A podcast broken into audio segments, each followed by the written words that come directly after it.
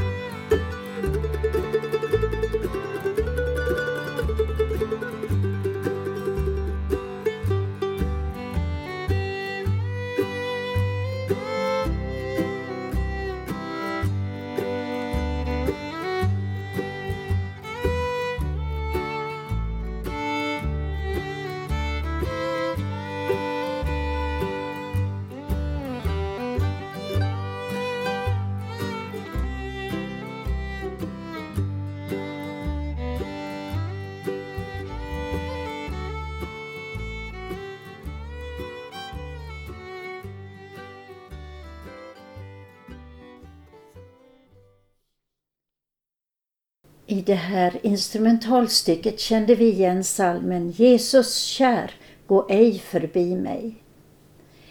Det här är en morgonsändning från Kristen Radio Växjö. Vi ska fortsätta med en andakt som Christian Brav leder och den ska börja med salmen 59, vers 1 och 2. Med Gud och hans vänskap, hans ande och ord. Psalm 59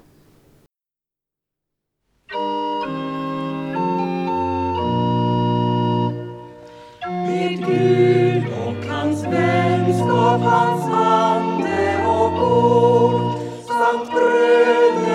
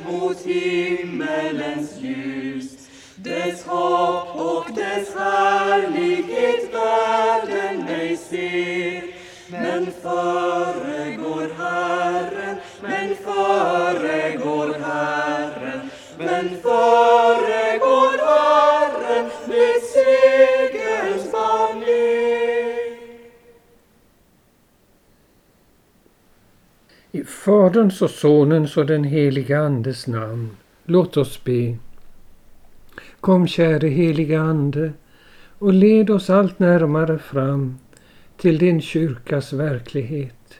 I Jesu namn. Amen. Vi ska ta och öppna våra psalmböcker och så ska vi se där bak i psalmboken. Där är några sidor som är lite styvare och på en av dem står det Nicenska trosbekännelsen.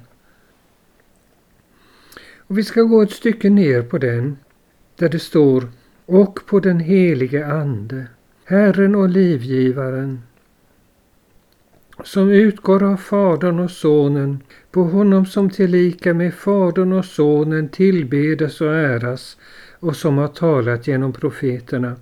Märkte ni det där ordet livgivaren?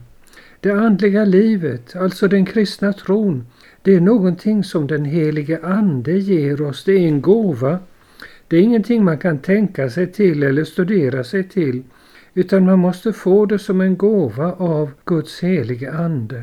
Och därför är det mycket lämpligt att be om just denna gåva. Det gör vi faktiskt i kyrkan varje söndag. Nå, på honom som tillika med Fadern och Sonen tillbedes och äras och som har talat genom profeterna och på en enda helig, allmännelig och apostolisk kyrka. Hörde ni? En enda. Men det finns ju så många samfund. Och ändå är det en enda helig, allmännelig, apostolisk kyrka i alla kristna samfund. Men denna enda heliga, allmänneliga och apostoliska kyrka, den är olika starkt närvarande i de faktiska samfund som vi har. Vi ska ge akt på två av orden här. Allmännelig. Det går tillbaka på ett grekiskt ord som heter katalon och det betyder enligt helheten. Alltså, ju mer ett kristet samfund har hela den kristna tron och i gemenskap med hela kristenheten, dess mer är den en del av den enda heliga. Och så apostolisk. Det var ju så att apostlarna fick hela Kristi undervisning. Och det är den som vi har i Nya testamentet. Och ju mer en kristen församling stämmer överens med apostlarnas undervisning och lever av apostlarnas undervisning, desto mer så är den en del av den enda heliga, allmänneliga och apostoliska kyrkan. Och dess mer utrymme är det för den helige Ande, Herren och livgivaren. och dess starkare och gladare och frimodigare blir den kristna tron. Vi ska få hjälp av Lilla katekesen att förstå denna verkligheten lite djupare.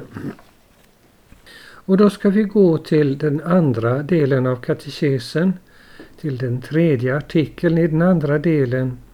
Och där så står det Jag tror att jag icke av mitt eget förnuft eller kraft kan tro på Jesus Kristus min Herre eller komma till honom. Och det var ju just det som gjorde att vi la märke till ordet den helige Ande och livgivaren. Det går alltså inte att tänka sig till eller att vilja sig till att tro på Jesus Kristus min Herre. Och då märkte ni med en gång de där orden Jesus är Herren. Man kan också studera sig till att Gud finns och att Jesus Kristus är en historisk person. Men att komma till Jesus Kristus min Herre, det kan man bara få som en gåva av den heliga Ande. Och den heliga Ande ger så gärna denna gåva genom nådemedlen, alltså genom Guds ord och de heliga sakramenten och den kristna gemenskapen. Men vi ska fortsätta. Att den heliga Ande har kallat mig genom evangelium, upplyst mig med sina gåvor, helgat och behållit mig i en rätt tro. Och detta som vi nu har läst, det händer överallt i världen där Guds heliga Andes verk får genomslag, där Guds heliga Ande blir mottagen av människor. Och därför fortsätter katekesen så här, så som han kallar, församlar, upplyser, helgar hela kristenheten på jorden och behåller och bevarar henne i Jesus Kristus i en rätt tro. Och där detta är på gång, där finns alltså den enda heliga, allmänneliga och apostoliska kyrkan. Jesus säger, den som hör er, han hör mig. Och där vi lyssnar till hans apostlar och följer dem i deras liv, där är också den enda heliga, allmänneliga och apostoliska kyrkan. Amen. Låt oss be. O Herre Gud, dig prisar och lovar och ärar idag din kyrka för att du har sänt den helige Ande, Herren och livgivaren, som öppnar för alla jordens folk vägen till din gemenskap i det heliga samfund. Vi ber dig, utgjut din Ande i våra hjärtan. Förnya vårt sinne och stärk oss att tjäna dig genom de rika gåvor som du har gett oss. Och så som du har tröstat och styrkt dina trogna vittnen och bekännare i gångna tider, så ge också åt oss den heliga elden och det himmelska modet. Församla och led alla jordens folk, låt dem med skilda tungors ljud i en enda helig och allmännelig kyrka prisa dig för frälsningens under. Genom Jesus Kristus vår Herre. Amen. Och vi ber Herrens bön för Kristi kyrka över hela världen och särskilt för den lidande kyrkan. Fader vår som är i himmelen. Helgat varde ditt namn. Tillkomme ditt rike. Ske din vilja så som i himmelen så och på jorden. Vårt dagliga bröd giv oss idag och förlåt oss våra skulder såsom och vi förlåta dem oss skyldiga äro. Och inled oss icke i frestelse utan fräls oss ifrån ondo. Ty riket är ditt och makten och härligheten i evighet. Amen. Och vi ber välsignelsen för hela Kristi kyrka. Herren välsigne oss och bevara oss. Herren låter sitt ansikte lysa över oss och vara oss nådig. Herren vände sitt ansikte till oss och giv oss frid. I Faderns och Sonens och den helige Andes namn. Amen. Och så fortsätter vi med salmen 59. Vi tar den sista versen, vers 3. O Jesus, bliv när oss, bliv när oss alltfort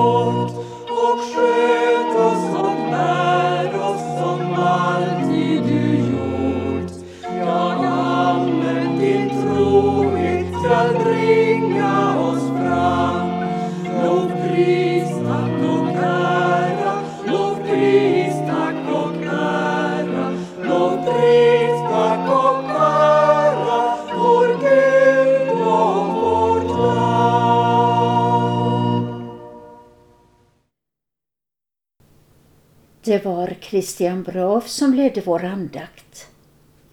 Gläd er alltid i Herren. Än en gång vill jag säga gläd er. Dessa ord från Filipperbrevet 4, vers 4 utgör texten i ett körverk som vi ska sluta med denna morgon. Jag vill bara påminna om önskeskivan ikväll. Varför inte med hälsningar till det Erik som ni känner. Telefon 0470 212 15 212 15 Önskeskivan börjar klockan 20 och 20.45 följer en andakt. Imorgon bitti är Kristen Radio Växjö tillbaka med God morgon Växjö klockan 7.15. Och nu en favorit bland körsångare. Gläd er alltid i Herren. På engelska Rejoice in the Lord always. Och vi, Karin och Christian Brav, vill hälsa er alla med Jesus är Herren.